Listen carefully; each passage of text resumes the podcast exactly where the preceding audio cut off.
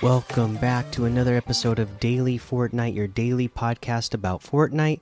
I'm your host, Mikey, aka Mike Daddy, aka Magnificent Mikey. Today we got a Winterfest call out to give an update on. This is the Let Your Creativity Snow Fortnite's 2022 Winterfest call out. Greeting creators, have you felt that chill in the air? The holiday season will soon be upon us, and that means the Fortnite community will be looking for new experiences in Winterfest 2022. Step up to the challenge in this year's Winterfest call out. The holidays are all about making memories. And with all new devices and tools added this year, we know you'll be able to build something truly unique and memorable by creating experiences experiences which are brand new or inspired by the Winterfest islands that have come before. Look to incorporate social interactions for sharing that holiday spirit and or break out icy items from the vault to get some truly wintry gameplay going. Some of our favorite islands will be featured in a special Discover row in Winterfest 2022. Island Design Guidelines. The holidays are a great time to welcome new Fortnite players. Help draw them to your island by making sure your island title and description are clear and understandable. Put a nice bow on all the new things you've learned to build this past year by seeing how many new features you can include in your island. Prompt visitors to skate around with the chiller grenades, disguise themselves as a sneaky snowman, or parkour their way through a winter wonderland. Perhaps host a melee and a joust fight in an icy castle to crown a New Year's champion. Mash those devices together, folks. Be creative with eliminations. Have your players fall victim to frosty lakes, get ambushed by snowmen, or meet their demise in their in other unexpected but thematic ways. Games don't have to be about eliminations, however, so think about multiplayer experiences for all genres or even create a single player narrative to help people find the true meaning of the holidays. You choose. We're looking for groundbreaking islands that utilize multiple newly released devices, devices released in 2022. Innovative and boundary pushing designs. As said above, we want to see newly released devices in use. Using older devices, devices released before 2022, in addition in novel ways is definitely encouraged. Thoughtful level design. See the level design best practices document for reference. Submission criteria and how to submit. The submission criteria only one island per creator will be accepted. Make sure your island follows the specified winter theme. Islands should be fully functional and use devices well, set effective boundaries, and be highly polished. These qualities make for a better player experience and make your island more likely to be featured. Prioritize innovation. Islands should use multiple devices released in 2022. Never before seen island designs that push limits will certainly grab our attention. Each submission requires a video overview. Submission videos must show a fly through of the entire island as well as one round of gameplay. Submissions must be new islands. Any island considered for featuring must have been published since the release of the Melee Designer device August 30th, 2022. Promotional trailers are encouraged, including a captivating promotional trailer for your island is not required, but highly encouraged. Video overviews are required, however. How to submit the island submission window starts November 7th, 2022 at 10 a.m. Eastern. During the submission window, submit your island through the Creative Content Submission form, making sure to select the drop down option for Winterfest callout. Islands must be submitted before 12 a.m. Eastern on December 6, 2022. Give the gift of a good time this Winterfest. And there is our blog post for our Winterfest callout.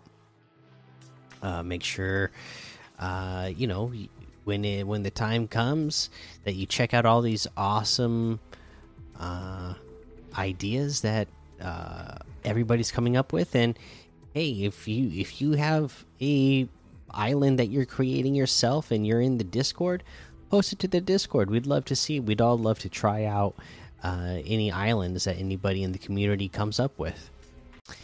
Uh, that's it for news. Let's look at some LTMs to play. Sure, we got some good ones. Uh, we have 4v4 Ascension, Rocket League's Octane Tutorial, Eterna City Zombie Survival, Night 4 Dead, Core Wars MOBA, Golf Night, IO Red vs. Blue, Spray Away, Floor Domination Gun Game. Of course, there's a whole lot more to be discovered in the Discover tab. Uh, let's take a look at weekly quests. We're on week three. Land at the Driftwood. They show you right where to land. Uh, visit the Reality Tree and Herald Sanctum in a single match. Um, geez, what would I do? Having not done this challenge yet, I would probably land at Reality Tree first. There's some vehicles that are by the buildings to the east sometimes, uh, and at the gas station that's to the east. So you could land there real quick, go to those areas, see if you have a car, and then be able to drive over to Herald's um, Sanctum pretty quickly uh, in a single match. So that's probably how I would handle it. Let me know if anybody else uh, has a even better way, but that's what I'm thinking off the top of my head here. Let's head on over to the item shop and see what's in the item shop today.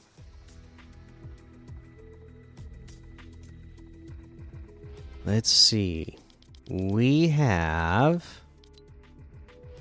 our spooky section, of course. Turn up the music is still here. Silk Sonic, J Balvin, X23, Saving the Bees bundle all still here. The Mystify outfit with the skeletal wings backbling is 1200. We have the Bracer outfit for 800. The Flapper emote for 500. Wiggle emote for 500. Double Up emote for 500. Burpee emote for 200. Uh, we have the Lucha bundle. This has the uh, Dynamo outfit, Pile Driver, Harvesting Tool, Libre Glider, the Masked Fury outfit, and you can get all of this for a total of 2,200, which is 1,800 off the total. Uh, let's see. Uh, you can get them separately. Dynamo's 1,200. Pile Driver Harvesting Tools 800. Masked Fury Outfit's 1,200. The Libre Glider is 800. Toy Trooper outfit is 800. Plastic Patroller outfit for 800. We have the Toy Soldier wraps, which is the green, gray, and red toy plastic wraps for 400. Uh, we have the Blaze outfit with the Fire Starter backbling for 1,500. We have the Bushido bundle, which has the Musha outfit, Sashimo, Sashimono back bling, uh, outfit, Shiro back bling, Cat's Claw harvesting tool, and the perfect glider for 2,600, which is 2,700 off the total. The Musha outfit with uh, Sashimono back bling is 2,000. Jaime outfit with the Shiro back bling is 2,000. Cat's Claw harvesting tool is 800. Perfect glider is 500 we have the Fortnite Agency Renegade pack. Oh, they have the special offers and bundles at the top here. So the stuff you all want to pay uh, your uh, straight cash with, they moved it up to the top now. It's interesting. Okay, uh, we don't go over all of those all the time. So let's just remind you that you can get any and all of these items using code Mikey M M M I K I E in the item shop, and some of the proceeds will go to help support the show. All right, that's going to be the episode for today. Make sure you go join the daily Fortnite Discord and hang out with us. Follow me over on Twitch, Twitter, and YouTube. Head over to Apple Podcasts, leave a five star rating and a written review for a shout out on the show. Make sure you subscribe so you don't miss an episode. And until next time, have fun, be safe, and don't get lost in the storm.